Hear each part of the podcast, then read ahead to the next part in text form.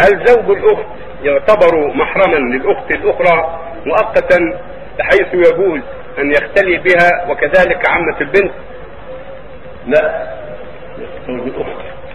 ليس محرما لا لا ليس محرما لزوجته.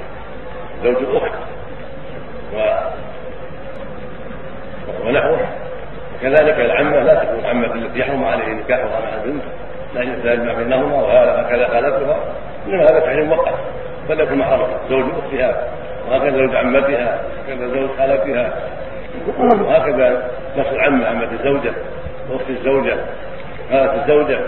ليست محارم ليست محارم للزوج المذكور لأنهن محرمات عليه. من أطلق أختهن أو بنت أخيهن أو بنت أختهن جاز له النكاح بعد العدة.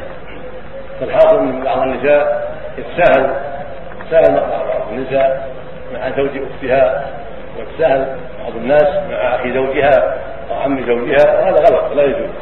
لا يجوز المرأة أن تتساهل مع أخي زوجها ليس محرما لها وليس عمه محرما لها ولا خال وإنما محرم أبوه.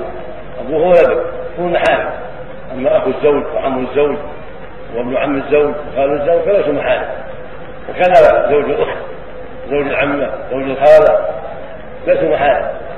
المحرم زوج بنت زوج بنتها زوج أمها هذا هو المحرم أما زوج أختها وزوج عمتها وزوج خالتها فليسوا محارم يجب الحجاب والتحرم وعدم الخلق.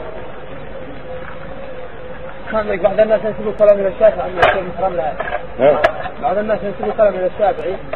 على انها تقول اخو الزوجه محرم لها لأختها. نعم. بعض الناس ينسبوا كلام إلى الشافعي. إيش؟ على أن أخو الزوجه محرم لاختها. الزوج؟ اي أخو الزوجة. إذا رجل متزوج على امرأة لها أخت يصير محرم لها. يصير لها محرم. يعني زوج أختها محرما لها؟ اي لا ما يقول الشافعي ولا غيره. محرم بالاجماع ليس محرم لا الشافعي ولا غيره. إجماع المسلمين لا يكون زوج الاخت محرما لها ولا محرما لعمتها ولا غيرها لأن هذا تحريم مؤقت وهو تحريم مؤبد